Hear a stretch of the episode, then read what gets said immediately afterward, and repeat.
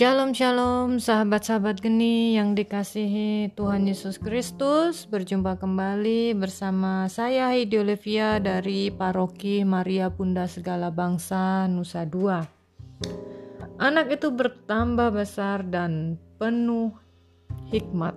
Bacaan liturgi hari ini dari Injil Lukas bab 2 ayat 22 sampai 40 Ketika genap waktu pentahiran menurut hukum Taurat, Maria dan Yusuf membawa anak Yesus ke Yerusalem untuk menyerahkan dia kepada Tuhan. Nah, Yesus ini terlahir dalam keluarga Yahudi. Dan bagi keluarga Yahudi, menurut hukum Taurat, mereka wajib membawa anak mereka ke bait Allah ketika berumur 8 hari untuk disunat seperti juga tertulis dalam kitab perjanjian lama yaitu kitab kejadian bab 17 ayat 12 dan seterusnya. Mengapa hal itu dilakukan? Yaitu sebagai pelambang pemulihan dosa dan persembahan kepada Allah. Nah, saat di bait Allah, Yusuf dan Maria bertemu dengan seseorang yang bernama Simeon dan mereka takjub dengan apa yang dikatakan Simeon. Alkitab mencatat, ia ini adalah seorang benar dan salah yang menantikan penghiburan bagi bangsa Israel, dan Roh Kudus ada di atasnya. Ia menubuatkan bahwa Yesus adalah anugerah dari Allah. Ia adalah Sang Mesias, katanya dan Yesus ini akan menjadi perbantahan bagi bangsa Israel, yaitu sebagian orang akan jatuh dan sebagian orang akan bangkit.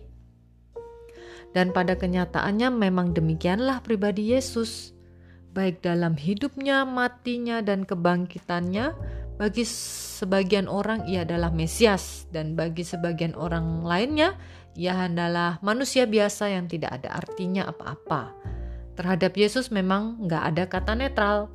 Kita menerima dia dengan sukacita atau sebagian orang menolak keras. Hidup ini adalah sebuah proses. Kebutuhan spiritual tentunya lebih utama daripada kebutuhan lahiriah.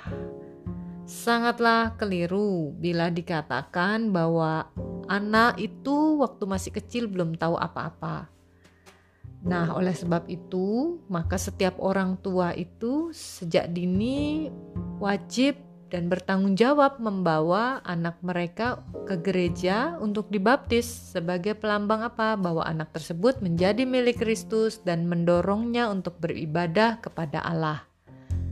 Seperti layaknya Maria dan Yusuf. Namun hal ini pun belum cukup karena proses pertumbuhan iman seorang anak harus dilakukan terus-menerus, baik oleh orang tuanya yang membantu mengarahkan kepada jalan kebenaran atau oleh pribadi anak tersebut yang bersangkutan. Mengapa demikian? Karena selama kita hidup, pastilah kita mengalami jatuh bangun kehidupan.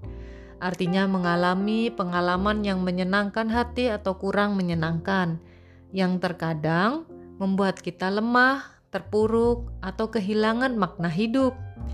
Maka, pembaharuan di dalam nama Yesus memang perlu dilakukan terus-menerus, supaya apa? Supaya iman kita bertambah besar dari hari ke hari, menjadi lebih kuat dan penuh hikmat seperti Yesus, dan tentunya agar kasih karunia Allah selalu ada pada kita. Marilah kita berdoa. Demi nama Bapa dan Putra dan Roh Kudus. Amin. Bapa di surga, kami berdoa kiranya Roh Kudus menyertai proses pertumbuhan iman kami dan membantu kami untuk kuat melewati pembentukan iman yang kau siapkan bagi kami, yang kami alami selama hidup kami. Buatlah kami tetap bertahan di dalam namamu. Doa ini kami Sampaikan di dalam nama Kristus sebagai Tuhan dan satu-satunya Juru Selamat kami. Amin. Demi nama Bapa dan Putra dan Roh Kudus. Amin. Tuhan Yesus memberkati.